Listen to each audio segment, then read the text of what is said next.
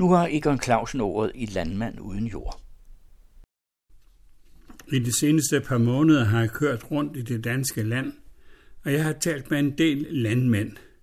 De fleste af dem er forhandværende, for det var lige nøjagtigt de forhandværende, som jeg ville opsøge. De er faktisk også de fleste. Før i tiden, for bare en menneskealder siden, så var der op imod 200.000 landmænd her i landet.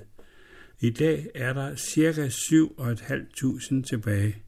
Det vil sige, at over halvandet 100.000 landmænd har måttet sige farvel til jord, gård og dyr og til en hel livsform. Ja, et helt erhverv er blevet forandret til ukendelighed. Man kan vist godt kalde den slags for en revolution, der bare det ved det, at den her er foregået uden buller og brag, uden brug af vold og uden at vække den større opmærksomhed fra andre end dem, som den er gået ud over. Det er der i sig selv en utrolig historie, men den har fundet sted. Resultatet er, at dansk landbrug, sådan som vi kender det fra medierne, fra film, fra romaner og billedkunst, det findes ikke mere. I dag har jeg besøgt Jonna og Olav Lauritsen i Vestjylland. De har netop solgt gården og har flyttet ind i et nyt hus i Skovlund, der ligger i nærheden af Tistrup, og spørger, hvor mange gårde der er tilbage i deres område. Og Olav siger, Der er jo ret mange tilbage. Altså her omkring øh, i Tistrup, som vi engang var, mange øh, var det. Der er kun en. Øh, nej, der er sådan set Tistrup og, og Gårde. Der er jo tre-fire besætninger tilbage. Og sådan er det over hele landet. Men det ser jo ikke altid sådan ud. Når man kører igennem de danske landskaber, så ligger der stadigvæk huse og gårde rundt omkring. Men det er ikke landmænd, der bor der. Ikke mere. Det er arbejdere, og det er funktionærer. Måske er der også en enkelt øh, fritidslandmand imellem. Men gårdejeren, med foden under eget bord, han er væk. I stedet så har vi fået fødevarefabrikker, kæmpemæssige, supermoderne virksomheder med en uhyre effektiv fødevareproduktion og med uigennemsigtige ejerforhold og ja efter profit. Jeg har som sagt opsøgt og talt med nogle af dem, der har haft jord, gård og dyr. Fælles for dem er, at selvom de ikke længere er bønder, ja, så sidder der stadigvæk en landmand inde i deres hoveder og kigger ud på verden. Fælles for dem er også, at det er meget flinke og meget venlige mennesker. Det gælder i høj grad også Jonna og Olaf. Vi sidder i køkkenet hos dem og får en kop kaffe, og Olaf fortæller, at han har drevet Gejlgården i Tistrup i 49 år. Der var 53 hektar jord, 70 køer og lidt heste. Jeg købte gården i, i 74, og der var der syv køer, og, men der havde jeg så købt inden 25 øh, køer, så jeg var klar der at gå i gang. Så var der en nabopige, der kom randen til, over til mig. Øh, ja, det var mærkeligt. Så øh, øh, da vi startede op, der hvor der skulle komme øh, mælkekode, der var det jo plads, men det var en hus, så siger Der mælkede hun så øh, 10 køer over, og jeg mælkede resten ind i stedet. Med hånden. Nej, det var med maskinen. Ja. Men øh, vi fik jo en god mælkekode, så dengang øh, egne køb, der, der havde jeg brug for det. Aha. Så vi, Men den der mælkepige, det hende, der sidder her ved kaffebordet? jamen, det tror jeg. så, Jonna og Olav fik i alt fire børn. Ingen af dem er i landbruget i dag. En af sønnerne var godt nok beskæftiget i landbruget, men så kom han ud for et grimt trafikuheld, og så måtte han stoppe. De andre laver alt muligt andet, og det er, det er jo det almindelige i vores dage. De unge, de voksede op i den periode, hvor den store landbrugsforandring for alvor satte sig igennem. Og Ole, Ja, han tog i øvrigt selv del i den proces. Han købte hele to nabogårde. Den ene var på 15 hektar, og den anden var på 20. Men jeg har aldrig haft større end, end jeg kunne selv, altså vi kunne selv over det. Ja. Vi havde brugt det jo som maskinstation, og de var jo faktisk dygtige til at... Hvis man kunne jo arbejde maskiner til alt, så til de store ting, der var de jo rigtig dygtige til det, i forhold til det, vi kunne præstere. Så men, men det, er, det, er, det er jo en anden landmand end den, som vi øh, kendte, og som vi også sang om, i, når vi gik i skole, så sang vi jo sanger om landbrug og dyr og sådan noget. Ja, ja, ja. Landmanden, der går ud på marken bag ved sin Jamen, jeg har altid været med køer ude. Ja. Jeg har altid, altså om foråren, de gamle, jeg kunne have dem inde over spalt og sådan noget, de skulle ud og gå. Det mener jeg egentlig, at de skal. Er det fordi, du synes, det fortjener det? Ja, det gør de, og det giver når de kommer ud om foråret, der sker alt en kæmpe udvikling, hvis, øh, hvis der var lidt med, med sygdom og sådan noget. Det vil sige, at du på en eller anden måde godt kan forstå dem, der siger, at øh, der sker en form for dyr mishandling i landbruget. Ah, lige om mishandling. Det er hårdt. Ja. Det er hårdt. Men øh, de bruger jo dyr til... De, de bliver presset i dag på en vis måde. I særdeleshed. Hvordan det? Jeg ved, at uh, de går ind og, og altså de fodrer jo uh, over alt det. Hvis det rigtigt skal give noget, så skal de få os hørt. Og dyr, de holder jo så længe i dag, som de gjorde måske længere. Hvordan det? Jamen, det er jo fordi, at de bliver overbelastet på nogen måde. Kan jeg godt sige. Men øh, her de sidste år, der har jeg hørt mig til en ung mand herude, øh, som øh, blev nummer 4 øh, her i Danmark, en højst besætning med over 460 kører. Og de er jo inde, og, det er, og han er jo, han har heller passet det mark, men Altså, han er godt nok bedriftleder, men han passer hans stald. Han er super, super dygtig. Og der kan vi andre slet ikke følge med. Med sådan en ung mand, der er kun er 32 år. Og hvor mange køer er du siger, han har? 460. Det, som var en del af kvaliteten i gamle dage, det var vel egentlig, at landmanden han kendte sine dyr. Ja, ja, men det gør ham derude Han kan ikke kende 450 ja. køer. Han er super dygtig, det kan jeg godt love det, han kan. men, men altså, hvis man havde, ved jeg ikke, 12 eller 20 eller 50, ja, ja. så kendte ja. man, ja, ja, vidste, der var forskel ja, på deres... Ja, og, og kendte fader til dem og sådan noget. Olav kommer ind på det med braklægning. Det er noget nyt. Sagen er, at fra den 1. januar 2023, så skal alle landmænd i EU braklægge 4% af deres jord. At lægge brak, det vil sige, at jorden skal tages ud af drift. Det sker af hensyn til biodiversiteten, men nu viser det sig, at det også er noget, der kan handles med. En landmand på øerne kan lege eller købe jord i Jylland, som han så kan tage ud af drift – og det er noget, der sker. Jorden i Vestjylland er billigere, end den er på øerne, og folk med penge i banken kan købe sig fri for biodiversitet der, hvor de bor. Nogen frygter, at brakken på den måde vandrer vestpå, i stedet for at blive jævnt fordelt over hele landet, men det er til synlande, hvad der sker, og politisk er der ikke flertal for at gøre noget ved den sag. Olav nævner et eksempel med en storbonde fra Lolland, der har købt 50 hektar jord til braklægning i Vestjylland, og det synes han ikke. Det lyder fuldstændig tåligt. Han har 900 hektar. Han har solgt noget jord til Femernbælt. Man kan købe der jord derovre. Det koster 400 hektar. Der kan han købe jord fra mig til 130. Han var her i går til frokost, og dem 50 hektar, de blev lagt ud i brak. Og de skulle over og så noget blomster. Hallo, Mark. Du griner, hvad er det, du griner af? Jamen, jeg griner faktisk her, fordi jeg tøvs, det er lidt om noget. Men der var, ja, der var bønder her omkring.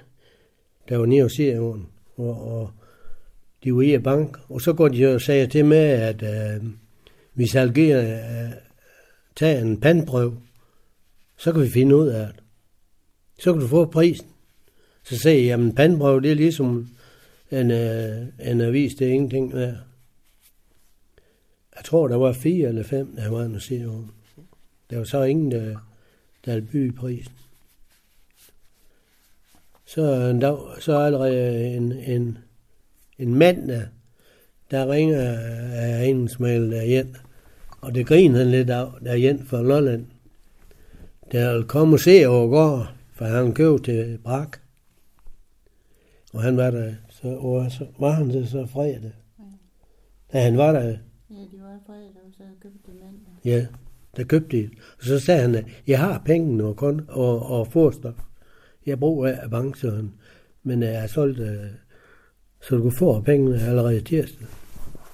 Det er det hurtigste anden, eller noget til. Men hvad var det forretning, han gjorde? Hvorfor skulle det lægges brak? Ja, det er fordi, de er 4 procent skal, det har vi jo vedtaget her, at der skal 4 procent af hver øh, hektar. Og det vil sige, at han bevarer sig senior på Lolland? Ja, Altså, for det der, han- det, du ved, de aflever dål som eller i hvert fald øh, noget mere derovre. Ja, og så køber han noget her, som Ja, han ja. lægger brak. Jamen, så skulle han jo give, øh, han skulle jo give 400.000 derovre. Nu skulle han kun give 130. Det kunne du godt forstå, det kunne han jo godt finde ud af. Han skulle bruge 30 hektar til hans brak. Ja. Men han sendte så en annonce i, at han havde jord herover til brak. Og der var ingen, der reagerede over det i første omgang. Men så var der en godsager inde ved Roskilde, der ringede. For han ville nemlig... øh, Det, den ene stykke, den ligger jo den anden side af banen, det er 20 hektar. Så var der en, øh, en godsager der, og han sagde, jeg tager det hele. Og det er så rigtig godt jord. Og der sagde jeg jo til ham, jamen skal der være lige brak? Ja, nu har jeg altså. Maskinstationen har de har budt over og, vil øh, have mig set. Men ham, der skulle have brak, han vil give meget mere. Så nu kommer det til at lægge brak. Ja, ja. Hvad synes du om sådan en udvikling? Ja, det er sgu rart at høre. Det er rart.